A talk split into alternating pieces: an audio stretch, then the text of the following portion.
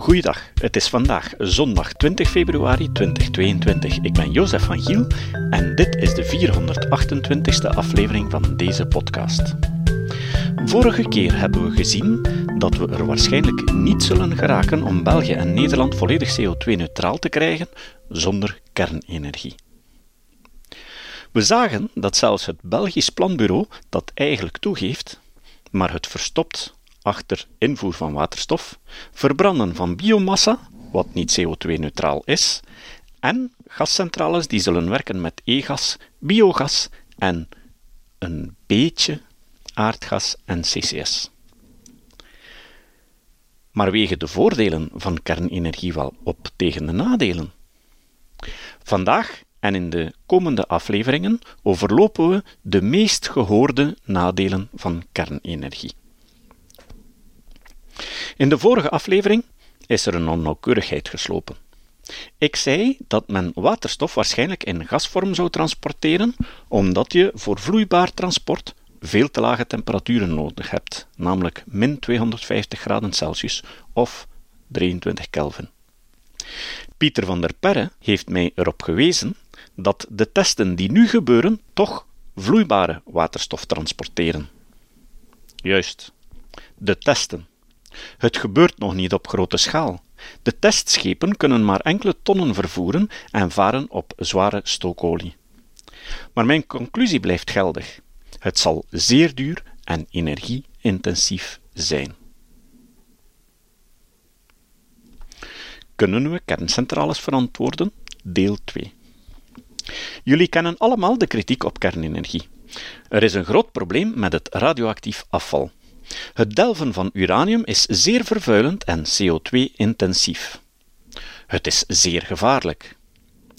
Het is technologie uit het verleden. De technologie van de SMR's bestaat enkel op papier. Het is PowerPoint-technologie. Het is zeer duur. Het is niet flexibel en daarom niet compatibel met zonnepanelen en windmolens. Laten we eens al die argumenten één voor één analyseren en kijken in hoeverre ze gegrond zijn. 1. Er is een groot probleem met het radioactief afval. Er is een belangrijk misverstand dat ik eerst de wereld uit wil helpen. Door energie te produceren uit radioactieve isotopen verhoog je de totale radioactiviteit van de aarde niet. Die radioactiviteit die je in een kerncentrale gebruikt om water op te warmen, zou, wanneer je die isotopen niet zou gebruiken, stralen in de uraniumhoudende gesteenten in de natuur. Het is belangrijk om dat in het achterhoofd te houden wanneer we het over geologische berging spreken. Het is belangrijk om ook te beseffen dat radioactiviteit overal is. In elke schep grond in je achtertuin zit er uranium. In huis vind je radioactief radongas. Bepaalde gesteenten uit de Ardennen zijn enorm bekend dat ze radon afgeven. Dat is een van de redenen waarom je je huis goed moet verluchten. Bananen zijn een beetje radioactief. Meer radioactief dan de mantel van een kerncentrale. Maar dat is geen reden om te stoppen met het eten van bananen. Nog een misverstand is de hoeveelheid aan radioactief afval dat geproduceerd wordt door een kerncentrale. Heb je al eens nagegaan hoe weinig uranium er nodig is en bij gevolg hoe weinig radioactief afval er per gigawattuur geproduceerd wordt? Vergelijk dat met de hoeveelheid CO2 van gelijk welke fossiele brandstof. Vergelijk het met de hoeveelheid afval van composietwieken van windmolens na 25 jaar gebruik. Vergelijk dat met de hoeveelheid afval na 20 jaar gebruik van zonnepanelen. 1 kilogram uranium produceert 23 gigawattuur elektriciteit. Dat betekent dat je 0,044 gram uranium nodig hebt per megawatt geproduceerde elektriciteit uit kerncentrales. Daarmee kan je een elektrische radiator zo'n 1000 uur laten werken. Nog even een andere manier om naar de nucleaire afvalberg te kijken.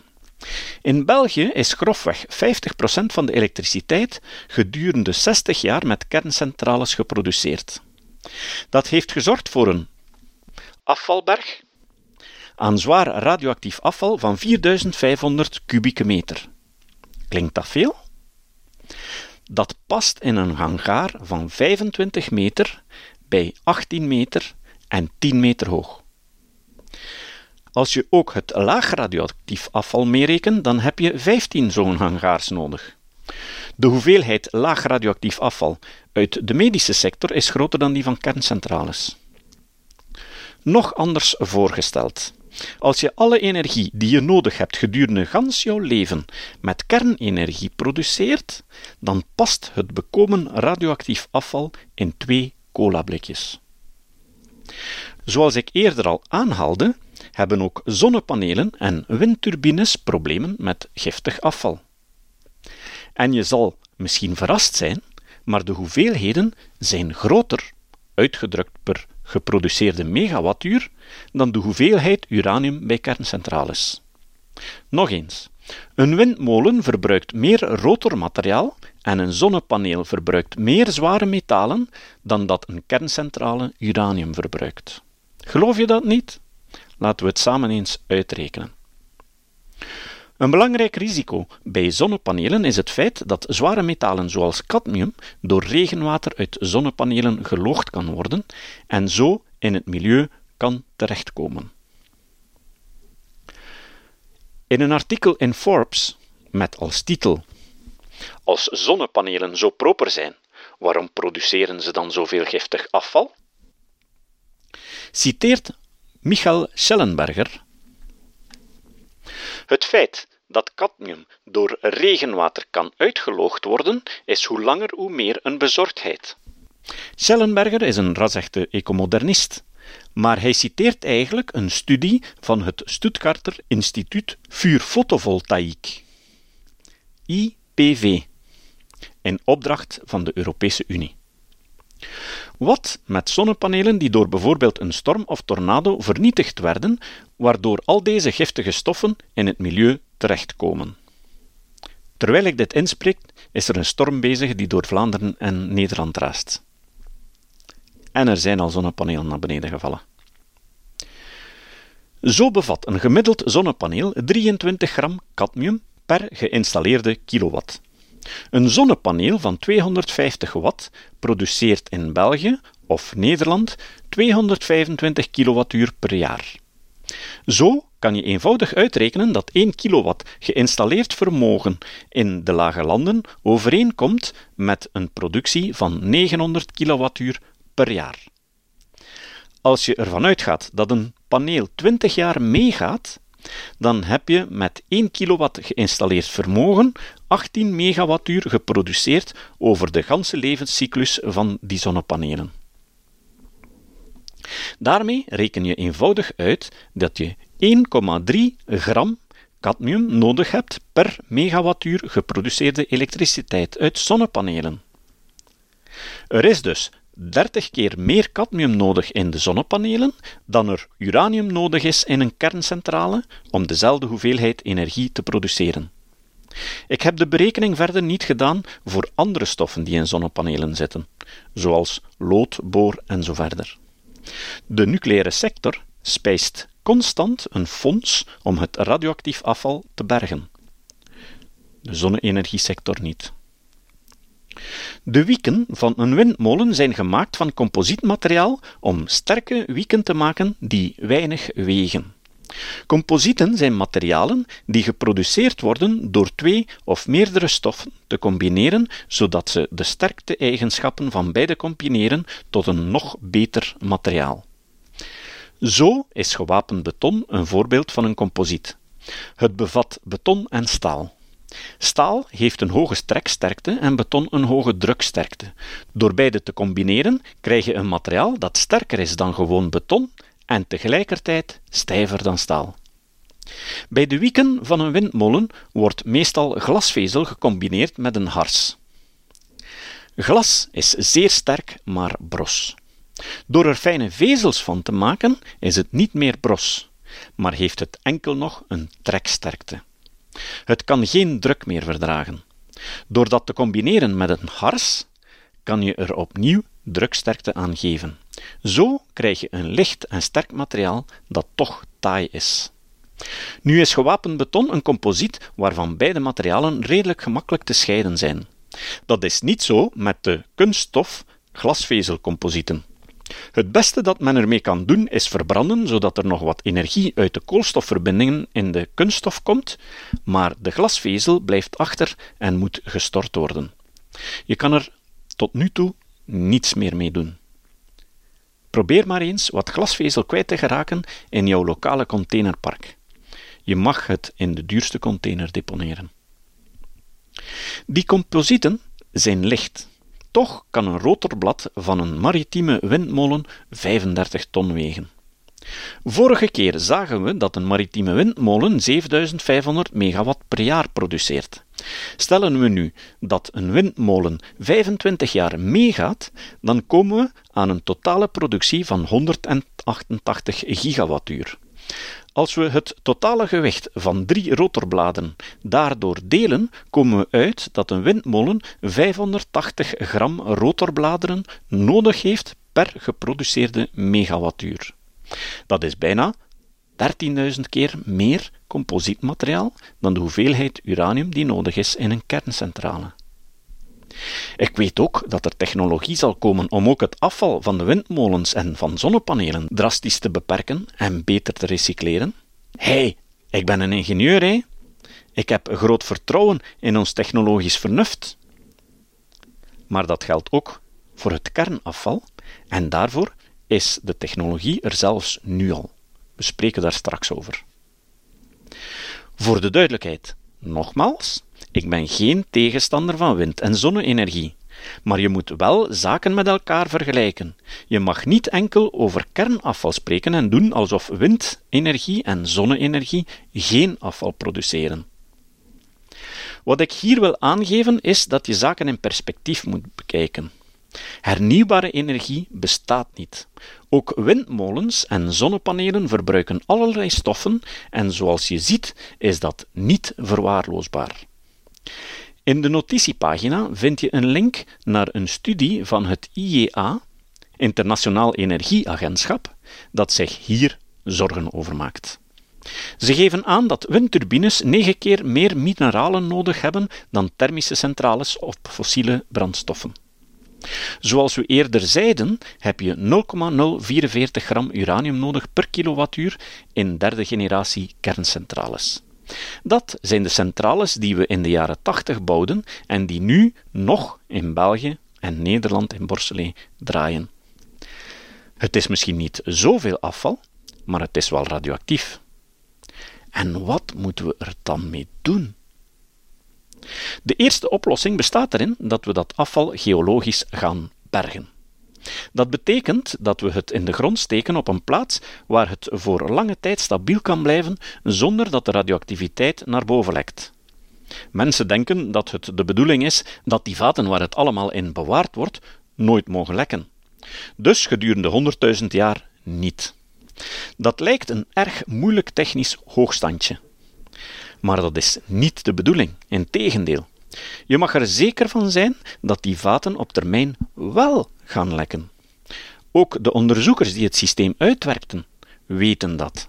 Ik kom even terug op iets wat ik in het begin zei. Kerncentrales verhogen de totale radioactiviteit van de aarde niet. Radioactiviteit is overal.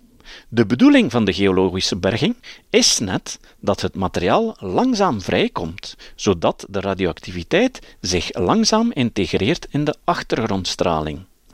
Om dat allemaal juist te hebben, wordt onderzocht welke geologische lagen daarvoor geschikt zijn, hoe diep het allemaal in de grond moet zitten, wat de stromingen van vloeistoffen zijn in die lagen en zo verder. De bedoeling van de berging is dat als we het eenmaal daar gestoken hebben, er niet meer hoeft naar omgekeken te worden. De volgende generaties worden er niet mee opgescheept. De angstverhalen die verteld worden dat door de straling van Fukushima de ganse noordelijke stille oceaan radioactief zou worden en daarmee de vissen ook, zijn dus onzin. De hoeveelheid water in de oceaan is zo groot dat die straling snel verdwijnt in de achtergrondstraling van de zee. Ik heb in de notitiepagina een tekst gezet die helder uitlegt hoe geologische berging werkt. Ondertussen is Finland begonnen met zijn kernafval te bergen in granietlagen. Hun ecologische partijen zijn voorstander van kernenergie. Maar eigenlijk moeten we dat kernafval helemaal niet bergen in kleilagen. Het is interessant grondstof voor vierde generatie kerncentrales. Die kunnen het afval verder reduceren en omzetten naar elementen met korter levende radioactiviteit. Via fast breeder reactors kan je de hoeveelheid afval 50 keer verkleinen, terwijl je het opnieuw gebruikt om energie te produceren. Het geproduceerde afval heeft bovendien nog maar een halfwaardetijd van 300 jaar. België is een voortrekker in dat onderzoek met het MIRA-project bij het SCK in Mol. Ja, maar die technologie is nog niet rijp. Dat is waar.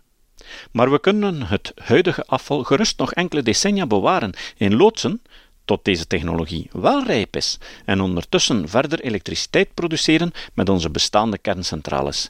Daarvoor hebben we nog voldoende uraniumreserves. We gaan later verder in op die uitspraak. En tenslotte nog dit. Door te stoppen met elektriciteit te produceren uit kernenergie, lossen we het probleem van radioactief afval niet op, want een groot deel van het radioactief afval komt uit andere bronnen, zoals meetinstrumenten en de geneeskunde. 2. Het delven van uranium is zeer vervuilend en CO2-intensief, en het is geopolitiek niet interessant. Zoals we eerder zeiden, gebruiken zonnepanelen 30 keer meer cadmium dan dat een kerncentrale uranium verbruikt. Ook de ontginning van cadmium is zeer vervuilend en CO2-intensief. Het blijft belangrijk om die zaken in perspectief te zetten. Maar opnieuw, ik geloof in de inventiviteit van ingenieurs en die zijn er de laatste 50 jaar in geslaagd om de impact van de mijnindustrie op het milieu drastisch te verlagen en het ziet er niet naar uit dat het einde van die ontwikkeling in zicht is. Dat geldt zowel voor de cadmiumwinning als voor de winning van uranium. Tegenwoordig wordt uranium gewonnen via een proces dat uitloging in situ genoemd wordt en in meer dan de helft van de mijnen wordt toegepast. Deze winning door ontbinding gebeurt zonder ernstige verstoring van de grond. De methode bestaat uit het injecteren van water met een zuur dat in het erts circuleert en waarmee uranium kan worden gewonnen door het rechtstreeks in de laag te pompen. Uranium wordt meestal gevonden in lagen met een zeer harde, ondoordringbare rotslagen eronder. Het zuur lost het uranium op en zakt naar deze harde rotslaag. Dan wordt via een leiding het materiaal dat daar terechtkomt naar boven gepompt.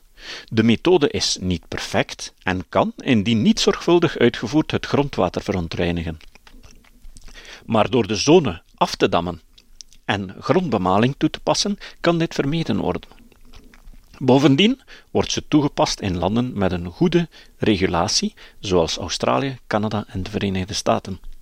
In het geval van uraniumwinning mogen er gerust meer kosten gemaakt worden om het op meer ecologisch verantwoorde wijze te winnen.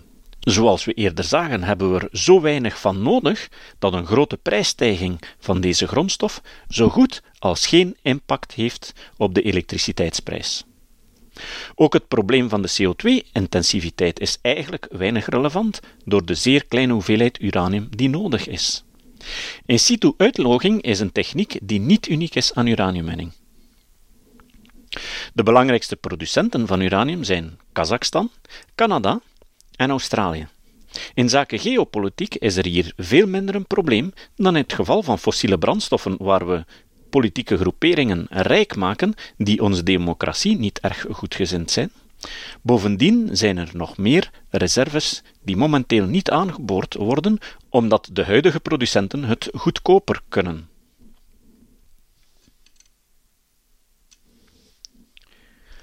Die twee punten behandelen nam meer tijd dan ik had gedacht. We hebben nog enkele misverstanden rond nucleaire energie te behandelen. Volgende keer bekijken we hoe gevaarlijk kernenergie is. Het citaat. Het citaat van vandaag komt van Adam Grant. Adam Grant is een psycholoog gespecialiseerd in organisationele psychologie. Grant zei: Als we dingen opnieuw zouden doen, dan zouden de meesten van ons zichzelf minder het zwijgen opleggen en onze ideeën meer uiten. Maar voor sommigen is dat misschien beter van niet. Tot de volgende keer. Dit was de podcast Kritisch Denken. Vergeet niet om alles kritisch te behandelen, ook deze podcast. Voor verdere informatie over deze podcast, links en voor de tekst, surf naar www.kritischdenken.info. Als je deze podcast belangrijk vindt, kun je me steunen door anderen warm te maken ook eens te luisteren.